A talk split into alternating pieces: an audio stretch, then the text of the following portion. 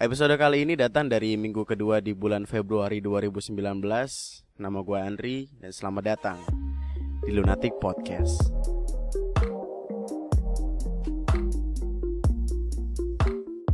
Eh, hai, apa kabar? Gue tahu kayaknya ada beberapa dari kita yang lagi nggak baik-baik aja gitu kayak kayak contohnya gue, gue lagi ada di di mana ya? Lagi sakit, terus lagi lagi pusing, lagi batuk-batuk, lagi pilek, kayak semuanya nyampur gitu jadi satu karena emang musimnya tuh musim lagi musim gimana ya? Lagi musim yang panas iya, dingin iya, hujan iya, kering iya gitu loh. Pokoknya nyampur-nyampur semuanya makanya ya di hal apa di hawa-hawa kayak gini ada baiknya kita buat jaga kesehatan lebih lagi. Dan sebelumnya ada minta tolong excuse excuse kan minta tolong maklumi suara gue yang mungkin agak kedengeran bindeng atau gue yang tiba-tiba ntar kayak ada suara narik ingus segala macam. Gue usahain buat gue cut gue ilangin sih tapi ya somehow mungkin akan terdengar. Anyway uh, kali ini gue pengen ngebahas sebuah hal yang agaknya gue banget gitulah. Ini adalah tentang perihal menyendiri dan menjadi sendiri. Beberapa waktu lalu gue di chat sama salah satu orang dari lain kayak salah satu orang yang suka bacain tulisan gue gitu. Terus dia tuh bilang sama gue kalau eh enggak nanya sih tepatnya nanya sama gue kenapa sih kok jarang collab atau jarang nulis bareng sama orang lain. Terus gue kayak nyadar iya juga ya kayaknya akhir-akhir ini tuh gue lebih seneng buat nulis apa-apa sendiri gitu. Dan gak kepikiran sama sekali buat collab atau nulis bareng sama orang lain. Gue sadar kalau itu tuh emang dari dalam diri gue sendiri gitu. Gue kayak 99% gue benci manusia dan apa pun yang ada di dalam mereka gitu. Cuma ada beberapa manusia yang gue keep gue tahan-tahan karena ya mereka emang menyenangkan di hidup gue gitu. Tapi gue tuh lagi ada di ada lagi ada di fase di mana pengen sendiri aja gitu buat ngapa-ngapain. Kayak mau pergi juga enakan sendiri nonton juga sendiri makan sendiri. Yang yang dengan gue ngelakuin itu tuh orang-orang kayak pada ngeliatin gue gitu. Terus ada kalau enggak gue nonton sendiri nih waktu itu nih. Nonton apa ya film apa gitu gue lupa. Terus ada temen gue tiba-tiba ngechat. Dri lu nonton sendirian? Anjir jomblo banget lu nggak punya temen.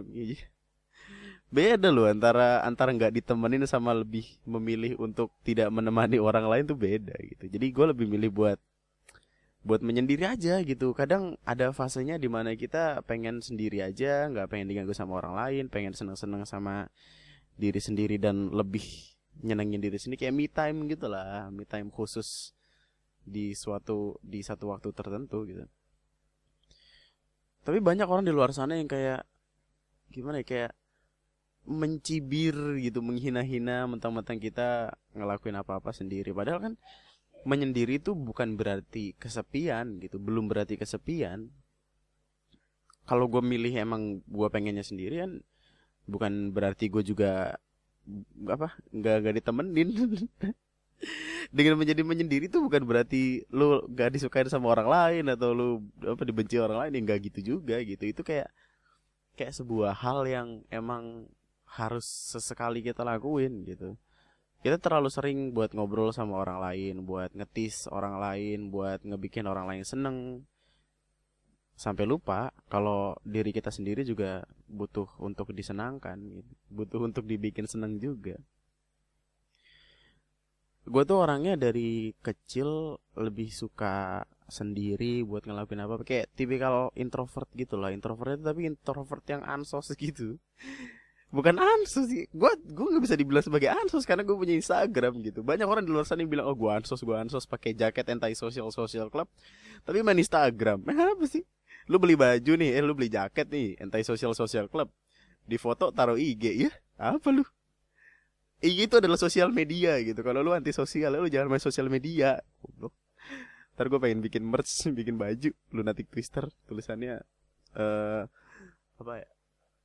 katanya ansos tapi kok main Instagram nah gitu ntar gue bikin tuh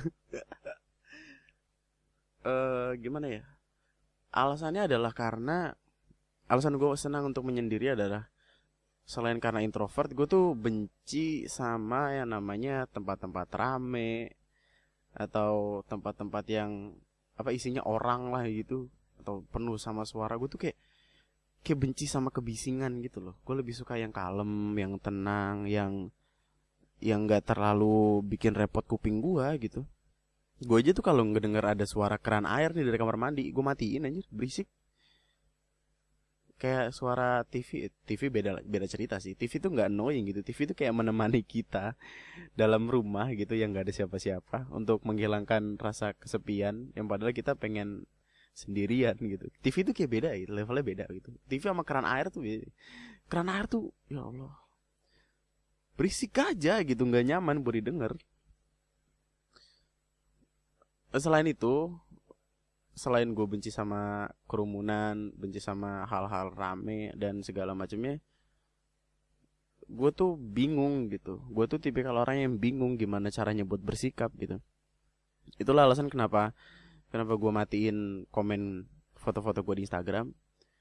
Karena gue bingung aja gitu. Maksudnya kalau ada orang komen nih, uh, ambillah yang bagus gitu kayak, ih fotonya bagus kak gitu, ih gimana nih gini ya gue gue balasnya bingung gitu. Gue tuh buruk dalam text conversation gitu. Gue nggak bisa yang kayak ngobrol sama orang di teks terus bisa lama sama itu gitu. Kecuali beberapa orang tertentu sih kayak teman-teman cewek gue dan kayak keluarga gue gitu. Even nama nyokap gue juga gue nggak nggak yang nggak yang setiap hari cacetan juga gitu gimana ya? Bukan bukan tipikal orang yang nyaman sama cecetan gitu. Kalau nelpon atau kalau ngobrol itu lain cerita lah karena gue bisa ngedenger suara lo dan gue juga bisa tahu ada emosi apa yang lagi lu rasakan gitu entah sedih kesel seneng atau apa gitu. Jadi kedengeran.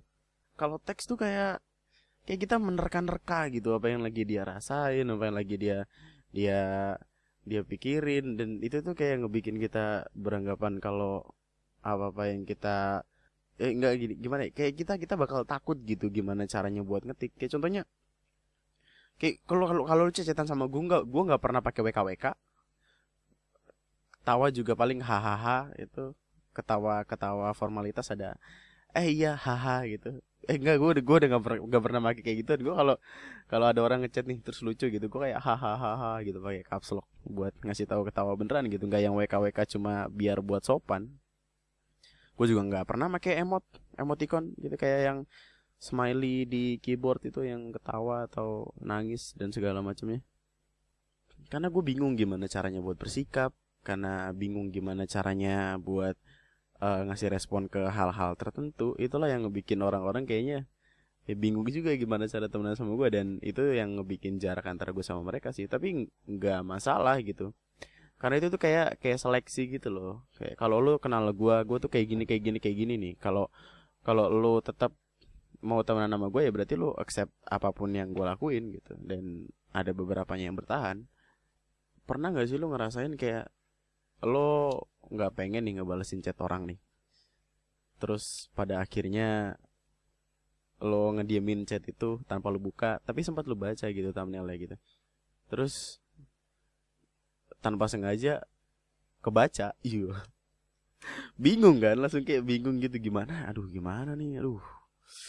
Aduh nggak dibalas nggak enak. Dibales. Gue bingung ntar habis ngebales balasnya apa masa habis ngebales nggak balas lagi kombinasi antara nggak enakan terus uh, introvert terus nggak pengen ngobrol sama orang sosial dan segala macam itu ngebikin gue jadi sosok yang ya gimana ya sulit gitu buat buat ada di sebuah kerumunan ada di sebuah kelompok gitu. Kayak gue emang terkadang masuk ke sebuah grup dulu ya dulu dulu tuh gue masuk ke beberapa grup yang grup nulis yang emang menarik gitu. Kayak awal pertama kali gue belajar nulis maksudnya uh, ikut challenge nulis itu dari bulan Desember tahun 2016 atau 2017 itu dulu pak pokoknya itu dari Soulscape Desember terus habis dari Soulscape gue ke Januari Prosodi terus Februari Valen Vibes dan gitu-gitu.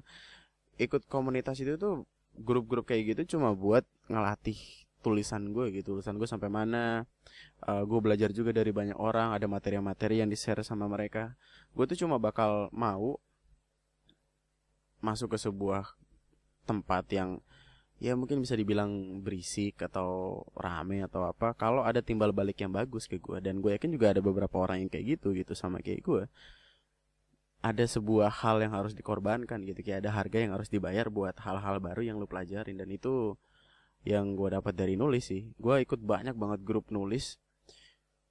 Beberapa dari itu tidak baik untuk diikuti karena berakhir fatal tapi beberapanya juga menyenangkan dan bisa gue bilang kalau semuanya itu ngebawa pelajaran-pelajaran baru gitu ngebawa orang-orang baru uh, hal-hal yang gue pelajarin dan lain sebagainya gitu.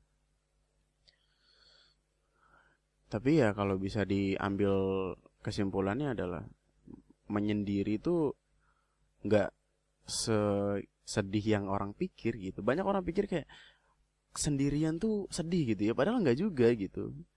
Mereka tuh harus lebih banyak belajar tentang apa itu menyendiri dan apa itu kesepian gitu. Kayak itu dua hal yang berbeda gitu kayak bertolak belakang gitu. Menyendiri itu pilihan gitu. Kesepian itu ya bisa jadi timbal balik dari menyendirinya ini tapi karena kita udah mutusin buat pengen jadi menyendiri kesepian tuh jadi kayak udah dilupain aja gitu. Soalnya kan kita yang milih nih kita yang milih ah gue pengen menyendiri ah. Ya kesepian itu kayak konsekuensi yang diamini gitu. Kayak emang kita butuh buat kesepian supaya nggak ribut sama hal-hal yang ada di luar kesepiannya itu. Di luar kesepian apa sih? Maksudnya nyari nyaman lah nyari tenang gitu. Dan alasan kenapa gue keluar dari semua grup yang gue ikutin adalah karena gue benci masalah yang ada di dalam sebuah kelompok. Kayak kalau kalau gue jadi menyendiri gitu kayak jadi serigala di luar kelompok-kelompok tertentu gitu gue kayak bakal menyenangkan gitu gue senang nih si ini punya kelompok sama ini. Pasti dia punya masalah gitu. Bukan aduh bukan ah gimana? Itu salah ngomong dari salah ngomong salah ngomong. Jadi kayak rasanya tuh menjauhi menjauhkan diri dari masalah lah gitu buat buat keluar dari kelompok dan memilih untuk jadi seorang penyendiri gitu. Karena dengan kita masuk ke sebuah grup sebuah kelompok tertentu komunitas dan segala macem ada banyak hal dari pikiran kita yang bakal berubah juga gitu. Kayak contohnya masalah subjektivitas kita akan hal-hal yang kita bahas di grup itu. Dulu gue sempat punya grup menulis Arturus namanya. Arturus ini adalah tantangan menulis 30 hari dengan tema tertentu. Jadi selama 30 hari itu lo ngebikin tulisan atau karya apa pun dengan tema yang dikasih gitu selama 30 hari waktu itu yang ikut banyak. Pertama kali gue bikin itu yang ikut ada nyaris 300 dan eh enggak enggak. Udah mau nyentuh angka 300 lu pada akhirnya gue putusin buat ah nggak bisa nih semuanya gabung jadi satu pasti rusuh gitu kan. Akhirnya gue bikin Arturus second. Jadi ada dua Arturus yang satu ya isinya penuh sama orang-orang. Yang kedua kayak kayak orang-orang yang emang baru mulai atau gimana? Ya bisa dibilang kayak gitulah. Dan di Arturus ini masalahnya tuh banyak gitu. Uh, kemungkinan eh bukan kemungkinan apa ya? Persentase persentase masalah itu lebih banyak ada di Arturus yang pertama. Yang lebih banyak sama orang, lebih banyak kepribadian dan ada beberapa grup yang ngumpul jadi satu. Waktu itu gue sempat bilang kayak gini. Di grup itu ya gue bilang di sini tuh semua circle ngumpul jadi satu. Jadi emang agak susah buat nyatuin semua kepala dan bikin semuanya aman-aman aja. Jadi mungkin bisa saling menghormati satu sama lain gitu. Karena waktu itu udah nggak kondusif banget kan berisik. Ada yang ngomongin ini ada yang ngomongin itu. Chat bubble chat itu bisa sampai 999 plus dalam kurun waktu 3 jam. Pusing gak lu bukannya apa-apa gitu bukannya gue nggak pengen ada orang-orang ngechat tentang apa yang mereka suka cuman gue kasihan aja gitu sama HP-HP yang tidak kuat. Soalnya waktu itu juga HP gue gembel kan ngeheng terus gitu karena saking banyak ya chat yang masuk dan itu bisa dibilang tidak penting tidak penting. Masa lagi di chat tiba-tiba ngebahas kondom perilaku mak bingung gue sumpah bingung gue itu kenapa tiba-tiba ada bahasan kondom di tengah semua itu gitu? Itu adalah grup nulis bukan grup kondom. Dan waktu gue bilang kayak gitu ada satu orang kayak circle circle apaan sih? Nggak jelas maksudnya terus dia left. Ya maksud gue ya gimana ya? Gue tuh cuma mengamini apa yang terjadi gitu. Kalau lu menutup mata akan apa-apa yang lu lihat itu kan kayak lu aduh gimana ya? Lu tuh nggak nggak eh apa sih namanya? Ya pokoknya gitulah gue nggak mau bahas itu katanya buruk soalnya kalimat buruk. Ada yang left eh, dan ya gimana lama-lama jadi kurang kondusif gitu. Akhirnya ada keputusan buat ya udah bikin uh, second group aja. Maksudnya grup yang isinya cuma buat ngomongin hal-hal di luar masalah kepenulisan dan lain sebagainya. Soalnya pertama kali gue bikin tantangan nulis itu Arturus itu adalah apa caranya adalah lu boleh masuk grup buat belajar buat sharing segala macam tapi juga lu boleh nggak masuk ke grup dan tetap nulis gitu soalnya promnya atau temanya tuh gue upload di timeline gue setiap hari gitu dan ya bisa mengurangi gitu bisa mengurangi keributan dan lebih penting isinya di grup yang Arthur Sinti itu. Nah yang mau gue omongin adalah semakin banyak uh, kelompok nyampur jadi satu gitu, semakin besar masalah akan terjadi, semakin besar kemungkinan masalah bakal dateng gitu. Karena uh, gini loh, kayak bayangannya gini, dalam sebuah kelompok itu udah bisa bakal terjadi ada masalah apa sih dalam sebuah kelompok itu bakal ada kemungkinan masalah terjadi gitu ditambah lagi kelompok yang ada kemungkinan masalah terjadinya ini masuk ke sebuah kelompok lagi di mana banyak kelompok ngumpul di situ gitu. Circle-nya tuh jadi kayak ngegabung, ngebaur jadi satu dan itu bisa jadi masalah yang lebih gede lagi. E, masalahnya adalah ya karena masing-masing kelompok, masing-masing grup punya subjektivitasnya masing-masing. Ya, jadi kita nggak bisa maksain subjektivitas mereka kita minta A mereka mikir A nggak bisa bisa aja kita satu circle satu grup ngomong A si grup lain circle B eh kedua yang ngomong B terus ngomong C D oh macam-macam sampai Z sampai apa huruf baru apa gimana nggak ngerti huruf baru tulisannya gimana itu? E, gitu. Itulah salah satu alasan lainnya kenapa gue senang buat jadi menyendiri gitu karena subjektivitas gue nggak disetir sama orang lain. Gini deh kalau misalkan ada lu ada lu lagi ada di sebuah grup tertentu gini. Terus uh, ada salah satu orang di grup itu yang ngebenci seseorang lah misalkan gue nggak tahu ini bakal jadi 100% atau enggak tapi gue pernah ada di beberapa grup dan saat satu orang di grup itu ngebenci seseorang di luar sana anggota grup itu karena udah ngerasa kenal, udah ngerasa deket, udah sering ngobrol sama ini, jadi kayak uh, afirmatif gitu. Jadi kayak ngerasa, wah iya nih si bangsat pasti emang ngeselin nih. Kita, kita hina yuk, kita kita kita sindir-sindir di TL gitu. itu bener-bener terjadi soalnya. Itulah kenapa masalah grup tuh bisa eh masalah satu orang yang masuk ke sebuah grup itu bisa jadi masalah satu grup itu sendiri padahal uh, anggota grup lainnya tuh nggak nggak peduli dan nggak ngerti juga gimana gimana ceritanya gitu bisa aja yang salah adalah anggota awal yang emang uh, ngompor-ngomporin doang gitu. Bisa aja gitu nggak menutup kemungkinan. Itu tuh sebenarnya kayak masalah objektivitas gitu. Lu harus menjadi objektif gitu. Mesti ngelihat masalah dari dua sudut pandang gitu. Dari temen grup lu itu gimana dan dari lawan temen grup lu itu gimana. Tapi dengan kita masuk ke sebuah grup kayak kayak kita jadi merasa lebih percaya sama orang yang lebih kita kenal gitu emang itu balik lagi ke masing-masing individu tapi kayaknya kalau kita udah masuk ke tanah yang orang lain apa kita kita masuk ke sebuah lingkungan yang kita percaya grup itu adalah sebuah grup yang benar gitu gitu tuh kayak jatuhnya percaya aja gitu padahal nggak juga bener. Ya gue yakin banyak orang-orang di luar sana yang kayak gue gitu yang nggak pengen masuk ke sebuah grup yang lebih memilih buat menjadi menyen, penyendiri untuk menyendiri dan menjadi serigala. Karena emang terlalu banyak masalah di sebuah kelompok. Selain itu juga kalau balik lagi ke pertanyaan tadi kenapa gue jarang collab sama orang?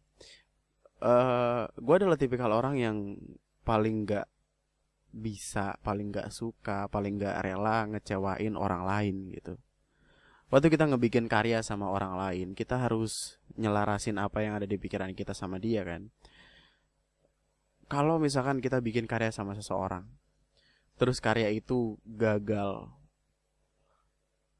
itu tuh gimana ya? Kita tuh kayak ngecewain dia gitu. Meskipun kita tahu kegagalannya dari kita berdua tapi kalau misalkan itu tuh nggak jangan sebutnya gagal apa ya? Biar biar bagus ya. Kayaknya gagal tuh terlalu kasar gitu apa ya? Nggak berhasil lah. Ya nggak berhasil ya gagal. Gimana sih? Ya, pokoknya intinya gitu lah. Misalkan kita ngebikin sesuatu sama seseorang itu nggak berhasil. Kita ngecewain dia kita juga ngecewain diri kita sendiri tapi rasanya adalah lebih sakit ngecewain orang lain yang jadi partner kita daripada ngecewain diri kita sendiri gitu. Waktu kita ngecewain orang lain itu tuh bakal ada kemungkinan kita nggak bakal dapat kepercayaan dia lagi. Beda sama kita ngecewain diri kita sendiri. Itulah alasan kenapa gue apa-apa tuh lagi enak bikin sendiri karena yang kalau misalkan gue gagal yang gue kecewakan adalah diri gue sendiri dan kalau gue ngecewain diri gue sendiri gue bisa ulang lagi karena gue bisa memaafkan diri gue sendiri kalau kita bikin karya sama orang lain terus kita gagal terus kita ngecewain dia ngecewain orang lain ini apa kita apakah kita tetap bakal dapat trust yang sama, kepercayaan yang sama buat bisa ngulang lagi atau seenggaknya jangan ngulang lagi deh buat jadi temenan aja. Itu tuh bakal kayak kita punya kemungkinan buat nggak bakal punya kesempatan kedua gitu. Dan kesempatan kedua itu tuh bakal selalu kita bisa dapetin dari diri kita sendiri.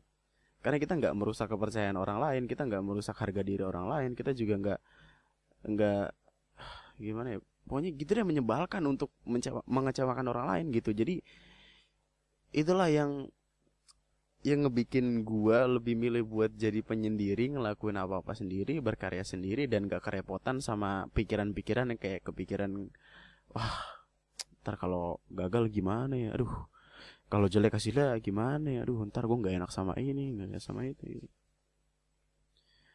Kita bisa punya banyak kesempatan kesekian untuk diri kita sendiri, tapi kita belum tentu punya kesempatan kedua atau ketiga kalau kita ngelakuinnya sama orang lain. Itu kayaknya yang yang harus kita semua pegang nih. Itu sekarang gue pegang banget sih. Kayak contohnya kemarin deh. Beberapa waktu lalu gue ngepost salah satu apa ya bukan argumen sih kayak kekesalan gue gitu. Postingannya gini gue taruh di timeline uh, fun fact lo bisa ngerayain ulang tahun tanpa lo masukin ke IG story kalau orang ngebaca itu terus ngambil mentahnya itu tuh kayak ngelihat gue tuh kayak apa sih kok lo ngebenci banget orang masukin ke IG story? Apa sih? Ih teman gue aja tuh malah sengaja minta dimasukin ke IG story biar orang, -orang tahu gue ulang tahun. Iya apa sih lu? Iya apa sih lu? Gitu gitu kan. Salah gue adalah gue tuh lupa menyelaraskan apa yang ada di pikiran gue sama pembaca gitu sama orang yang ngebaca tulis apa itu status lah dengan status itu. Pikiran gue adalah waktu itu gue lagi di acara ulang tahun teman gue uh, teman gue ini ya, gimana ya kayak salah satu teman terbaik gue salah satu teman terdekat gue terus dia di ulang tahunnya nggak dibahagiakan gitu. Bukan dibahagiakan dalam artian dibikin surprise atau segala macam gitu. Tapi dibahagiakan dalam artian itu harinya dia. Uh, buatlah semuanya tentang dia karena kita tuh ada di situ cuma buat ngebikin kebahagiaan itu nambah-nambah gitu waktu itu posisinya adalah teman gue ini dia udah yang nyiapin semuanya lah. Maksudnya di rumahnya udah ada makan-makan segala macem ada kue ada udah lengkap lah gitu musik segala macem. Tapi teman-teman gue yang lain itu tuh bukannya bukannya ngeplis temen gue ini ngebahagiain temen gue ini karena itu adalah harinya dia tapi teman-teman gue ini yang lain malah lebih sibuk sama snapgramnya sama instagram storynya yang isinya cuman bumerang pala gede-gede atau selfie pala miring atau atau foto pakai balon. Gak penting banget gitu loh. Itu tuh kekesalan gue di situ gitu. Gue kesel sama orang-orang yang yang apa ya uh, asik sendiri asik sendiri asik sendiri sama sesuatu yang harusnya nggak tentang dirinya sendiri gitu. Ini ada ada sebuah acara nih. Harusnya lu membahagiakan si orang yang punya acara gitu tapi lu malah malah mengacaukan itu dengan punya kesenangan sendiri dan itu tuh nggak ngehargain orang lain banget gitu. Itu gue keselnya di situ cuma gue salah mengucapkan apa yang gue pikirin gitu. Jadi akhirnya orang-orang dapatnya salah. Itu kayak gue udah mengecewakan diri gue sendiri dengan ngebikin uh, ngebikin kalimat yang ambigu gitulah. Anggapannya kayak nggak sesuai sama yang fakta sebenarnya ada gitu. Salah salah pemilihan kata deh intinya gitu dan gue nyesel dong. Gue nyesel sama diri gue sendiri terus gue kayak ya udahlah ntar jangan gitu lagi gitu. Gue memaafkan diri gue sendiri gue ngasih kesempatan lainnya buat diri gue sendiri. Tapi kalau misalkan gue ngebikin itu sama orang lain gitu uh, taruhlah itu ada di sebuah OA atau ya, OA lah biar gampang official account. Atau pokoknya satu akun yang lu uh, lu urus rame-rame sama teman-teman lu lu ngepost hal kayak gitu omongan kayak gitu yang dalam artian ambigu dan susah diterima maknanya sama orang lain. Orang-orang kesel dong sama apa yang lu bilang. Lo nggak cuma ngecewain diri lu sendiri tapi lu juga ngecewain orang-orang yang ada di grup itu di OA itu yang ngebikin uh, OA itu bareng-bareng sama lu. Jadi kayak lo udah ngecewain mereka terus lu bingung kan mau ngapain lagi? Tapi lu bisa aja dapat uh, kemungkinan buat kehilangan kepercayaan mereka gitu. Lu bisa aja tiba-tiba nggak dipercaya sama mereka buat nulis status lagi atau gimana. Pokoknya gitu kan. Jadi kayak kesempatan kedua tuh cuma datang dari diri sendiri dan dengan menyendiri itulah menjadi sendiri lebih menyenangkan. Karena kita nggak perlu eh, nggak uh, perlu repot-repot mikirin bagaimana jadinya orang lain karena kita gitu panjang sekali dan tidak berguna tidak berguna. Ya ini intinya gitulah. Kayak kayaknya banyak dari kita yang berpendapat kalau menyendiri itu kesepian menyendiri itu menjijikan dan lain sebagainya. Padahal enggak juga gitu. Ada banyak hal yang lebih menyenangkan dilakuin sendiri daripada dilakuin rame-rame. Rasa nggak enak yang gue punya contohnya kayak kalau lu orang jadi orang yang gak enakan gitu lu bakal sungkan buat ada di sebuah grup karena lu nggak pengen ngecewain orang lain yang ada di sana juga. Dan itu ya lebih masuk akal gitu buat diterima sama orang-orang. Seenggaknya buat gue Tapi ntar kayaknya gue bakal ngebikin Karya sama orang lain sih. Ya pastilah gue juga sadar gue gak bisa ngelakuin apa-apa sendiri. Emang ada beberapa yang gue yakini bisa gue lakuin sendiri tanpa kerepotan sama orang lain tapi kayak contohnya podcast ini deh gue yakin juga gue nggak bakal nggak bakal selamanya ngomong sendirian kan gue pasti bakal nyari speaker buat gue ajak ngomong juga soalnya kalau sendirian ya membosankan gitu harus ada terobosan terobosan aja. Uh, emang menyenangkan untuk jadi sendiri. Tapi di sisi lain juga sebagai normal human being kita juga butuh orang lain gitu buat satu dan lain hal buat beberapa hal yang yang kita sadar kita nggak bisa lakuin sendiri. Dan konsekuensinya ya tadi masalah kecewa dan enggak masalah ketakutan antara berhasil dan enggak.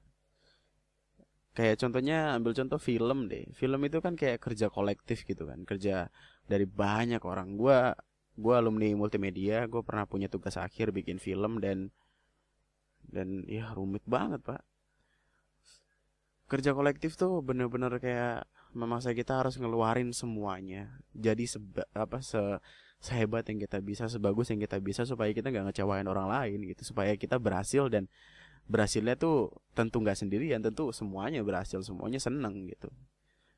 Kesenangan nih satu-satu hal yang nggak bisa didapetin waktu kita ngelakuin apa-apa sendiri adalah kita nggak bisa ngelihat partner kita seneng. Ma, gimana ya? Aduh.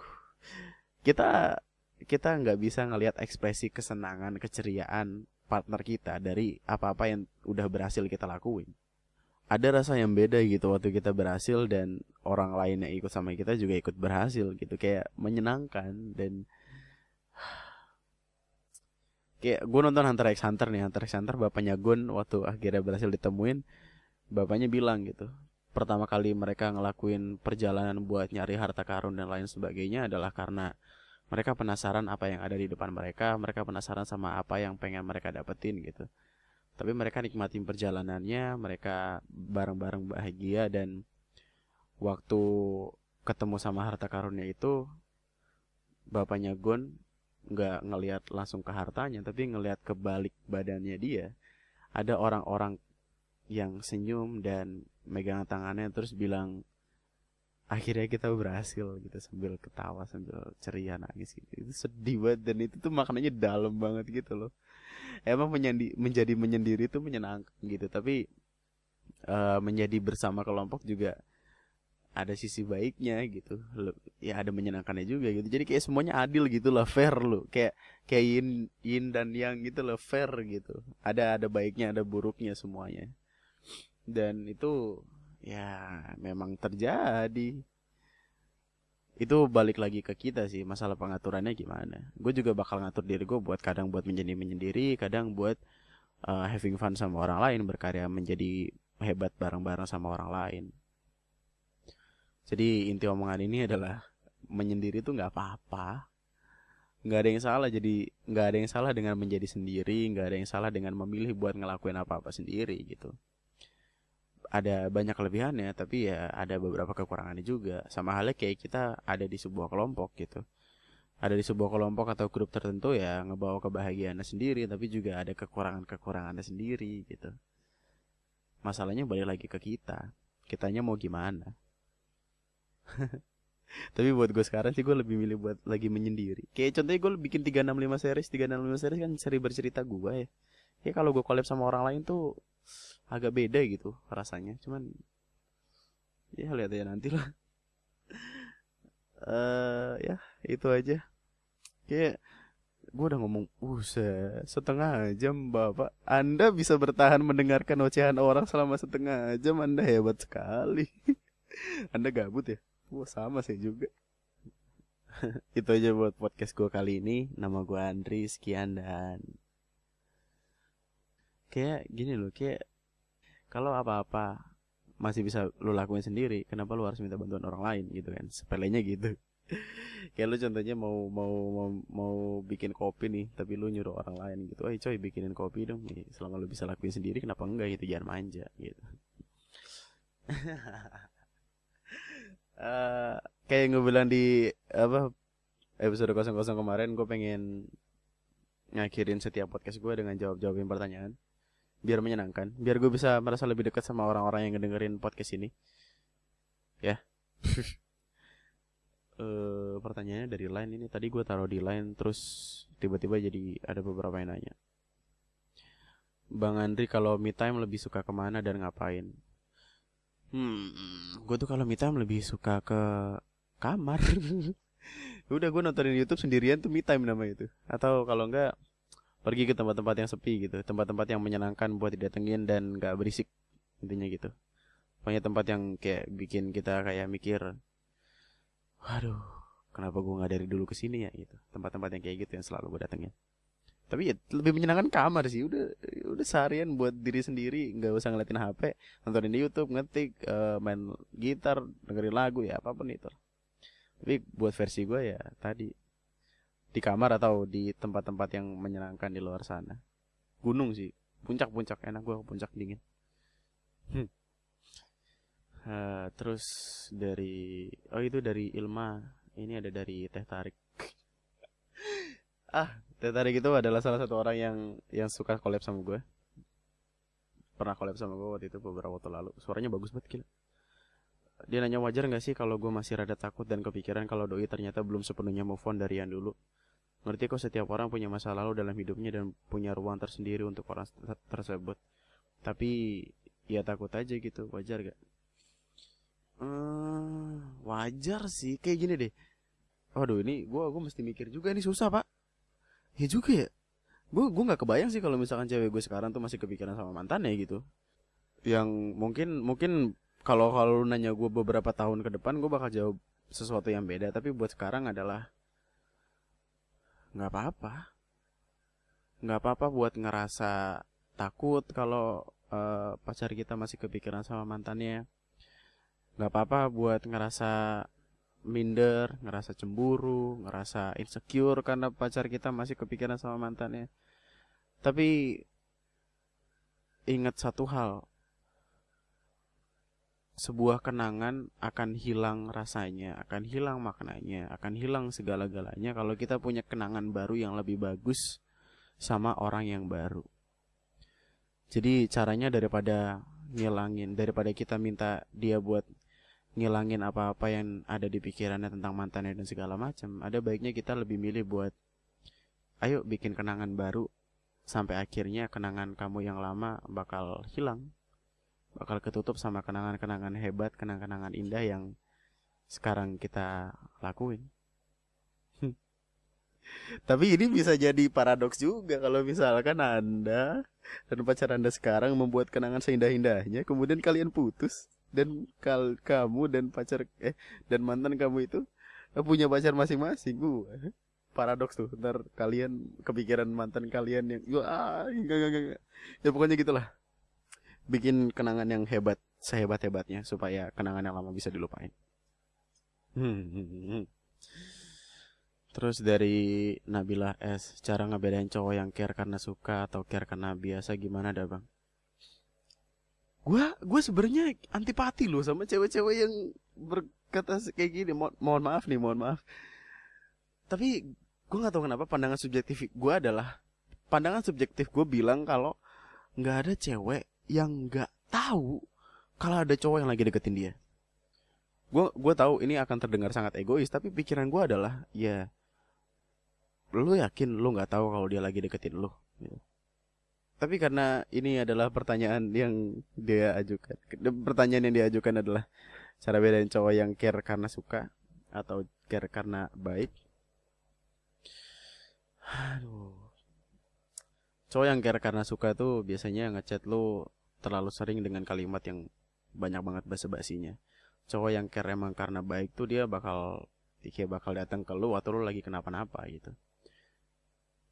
Ngerti gak sih kayak, kayak misalkan lo lagi lo lagi biasa aja gitu lagi santai lagi gak ada masalah terus tiba-tiba ada cowok ngechat lo gitu eh udah makan belum eh udah udah mandi belum? Eh goblok. Basi banget pertanyaan lu. Lu 2019 masih ngedeketin cewek pakai cara kayak gitu lu goblok goblok. Ya itu tuh bisa bisa di ya bisa dibilang care-nya tuh care yang pengen ngedeketin lu gitu. Beda ceritanya kalau misalkan lo lagi ada masalah atau apa. Terus ada cowok di luar sana yang bisa dibilang teman bener-bener dekat bener-bener ngerti terus dia tiba-tiba datang terus ngomong lo kenapa cerita nih sama gue gue dengerin kok gini-gini. Ya itu dia care ya care aja gitu care yang bukan suka sama lo tapi care sebagai human being gitu sebagai manusia pada umumnya mereka membantu satu sama lain gitu. Itu namanya bersosialisasi asal lo tahu ya. Tapi kalau mau diperluas lagi maknanya ya kita nggak bakal bisa bener-bener tahu apa yang lagi dirasain sama orang lain sih. Pandangan sederhana gue ya gitu kalau lo kalau kalau lo mau ngebedain cowok mana yang suka beneran sama lo atau cowok mana yang uh, care sama lo karena dia emang baik ya caranya adalah cari tahu eh apa sadari lebih banyak basa-basi yang mana gitu. Ya lebih banyak basa-basi tuh orang yang emang pengen ngedeketin gitu.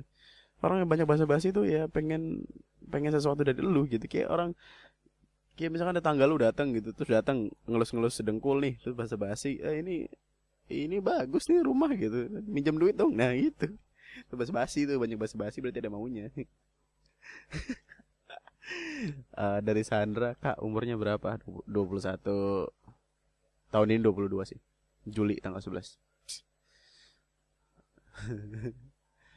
eh, dari Mayang Nov eh iya gue gue bingung deh. Gue nggak tahu sih bakal ngejawabin pertanyaan berapa gitu tapi ini kalau gue bikin podcastnya selalu sejam tuh kayak bakal keberatan gak ya kayak gue terlalu banyak ngomong ntar lu juga bosen gitu.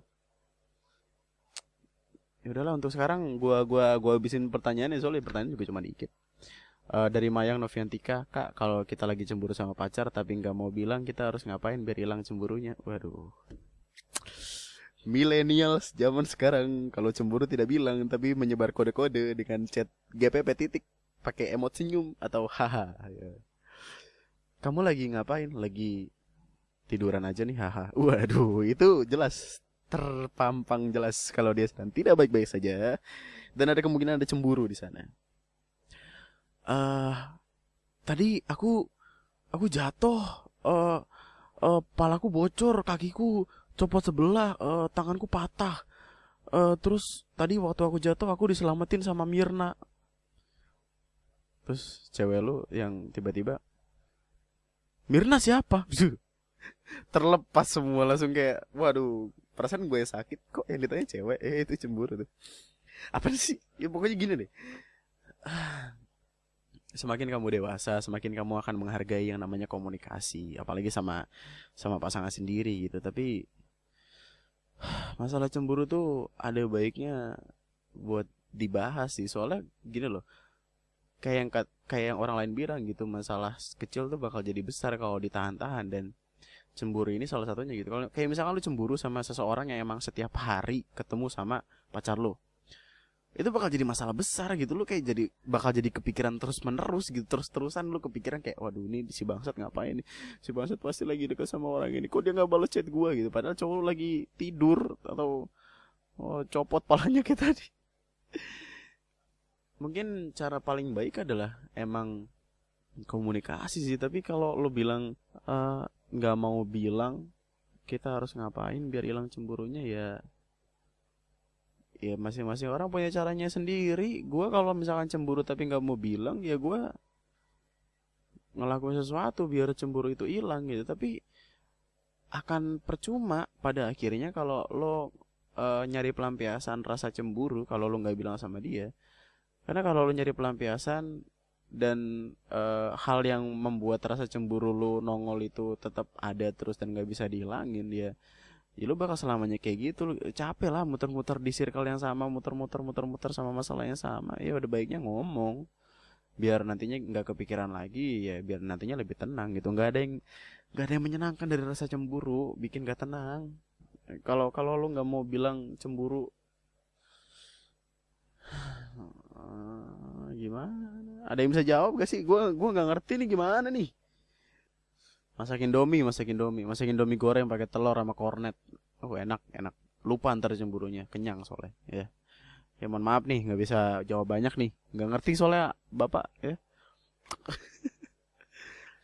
Uh, terus dari Olive cara nasihatin cowok biar gak gampang emosian gimana bang? Waduh peluk peluk peluk. Jadi nasihatin dipeluk dipeluk.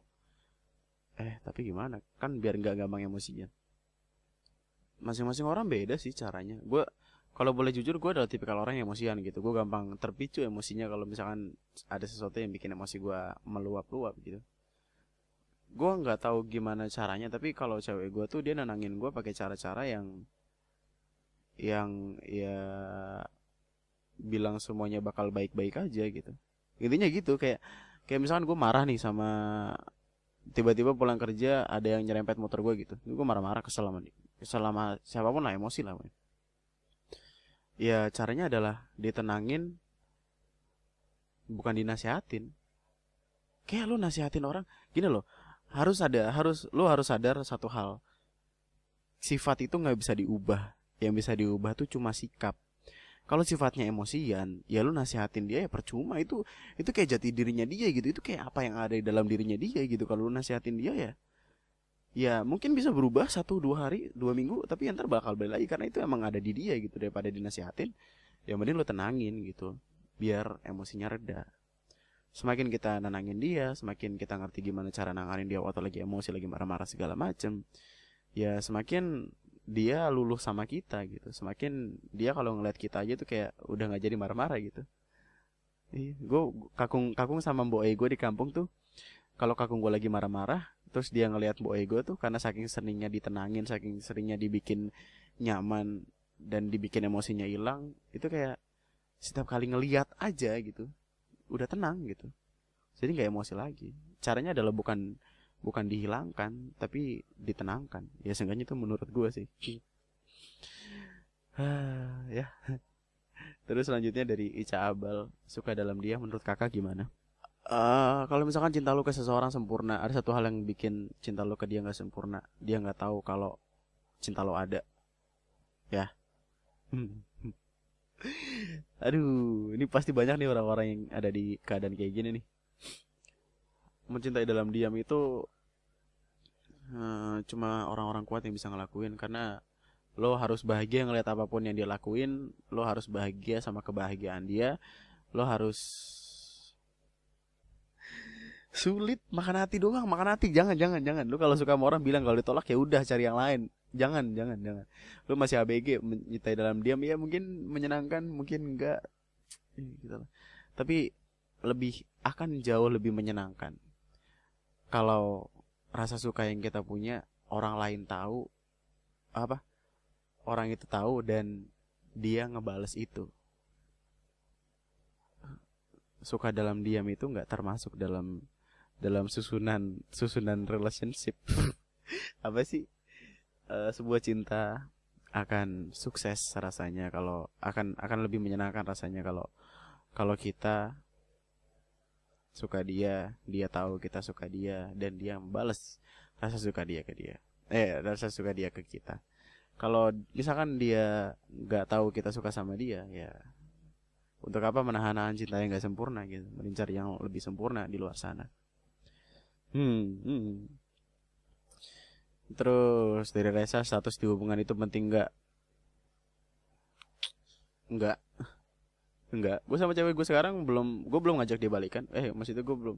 Ya gue dulu sempat putus sama dia terus gue dekat lagi. Tapi ya gue belum ngajak dia balikan. Tapi ya, ya gue udah kayak orang pacaran aja. Dia, ya, Iya nggak terlalu penting lah status itu kayak cuman buat lu taruh di bio IG bio lain nggak nggak nggak terlalu penting yang penting lu sayang sama dia dia sayang sama lu ntar lu nikah udah bahagia status itu nggak ada yang nggak ada status yang lebih hebat dari pernikahan. Udah status nikah itu udah paling hebat nih.